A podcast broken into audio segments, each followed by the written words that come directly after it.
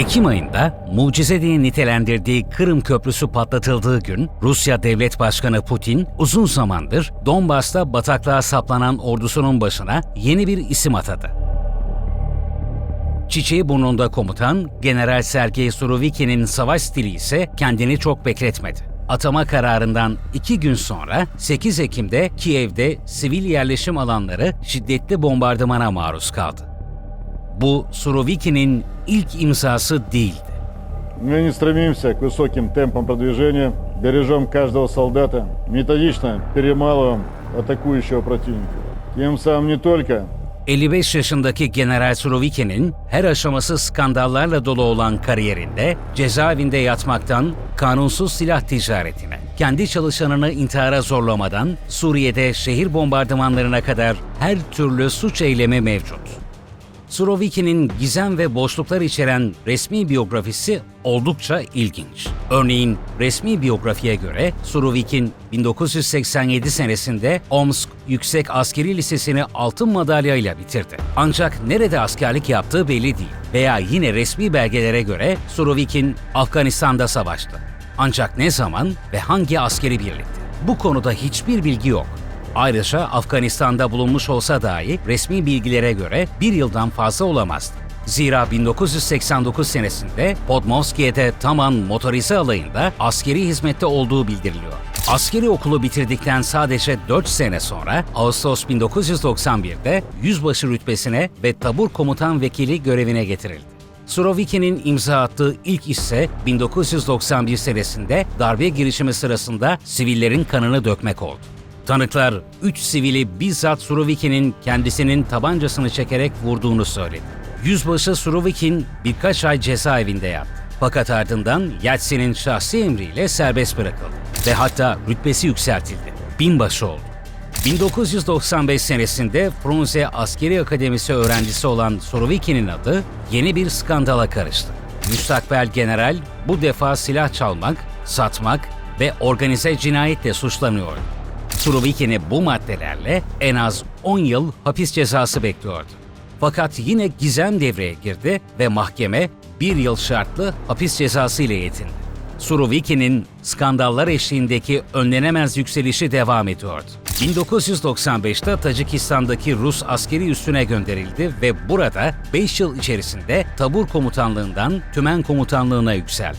2002 senesinde Genelkurmay Akademisi'nden mezun oldu ve tüm general rütbesiyle Privolsk Ural askeri bölgesinde 34. Motorize Tümen'in komutanlığına atandı.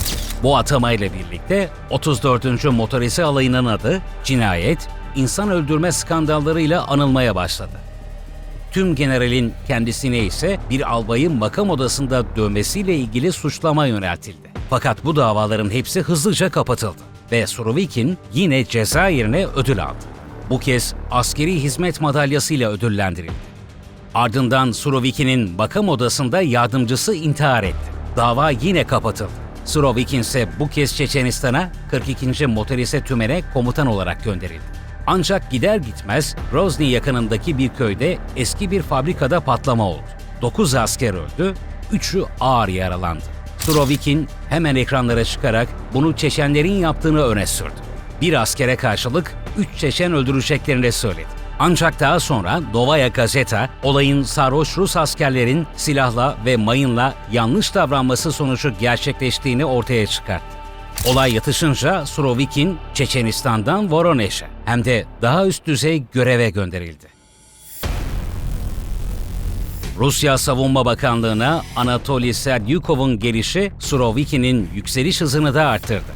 Nisan 2008'de o artık 20. Ordu Komutanı, 7 ay sonra ise askeri operasyonların planlanmasından ve yönetilmesinden sorumlu Genelkurmay Operasyon Dairesi Başkanı oldu.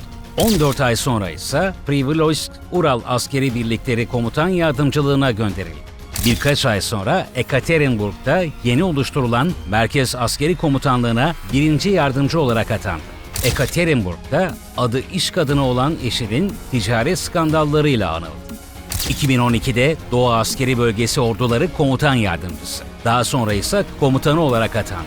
2013'te Kor Generalliğe terfi etti. 2014'te ise kendi görevini bırakarak Rostov'da Ukrayna'nın güneydoğusuna tank birliklerini gönderme işini komuta etmeye başladı. 2017 senesinde Rusya Uzay Kuvvetleri Komutanı olarak atandı. Rusya tarihinde havacılık deneyimi olmadan bu göreve atanan ilk general oldu. Bu zamana kadarsa Suriye'deki Rus güçlerinin komutanıydı.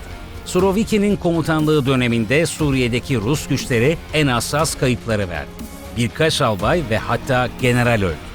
Deir ez-Zor'daki savaş sırasında Suroviki'nin Fırat Nehri'ni geçme görevini yerine getiremediği de Rus basınında yer aldı. Ancak bu, Suroviki'nin Rus devlet televizyonlarında en çok yer verilen general olmasına engel olmadı. Hatta tam tersi. Kremlin propagandasına göre Suroviki'nin komutanlığı döneminde Esad ordusu savaş sahasındaki en ciddi başarılarını elde etti. Putin ise Suroviki'ni Suriye'deki hizmetlerinden dolayı Rusya kahramanı madalyasıyla ödüllendirdi. Altın yıldız taktı. 2021'de ise Surovikin en üst düzey muvazzaf asker rütbesine, orgeneralliğe terfi. Suriye kasabı Armageddon lakaplarıyla anılan Rus general şimdi Ukrayna'da. Fakat sahadaki şartlar bu kez Suroviki'nin zafer hikayeleri için pek uygun değil.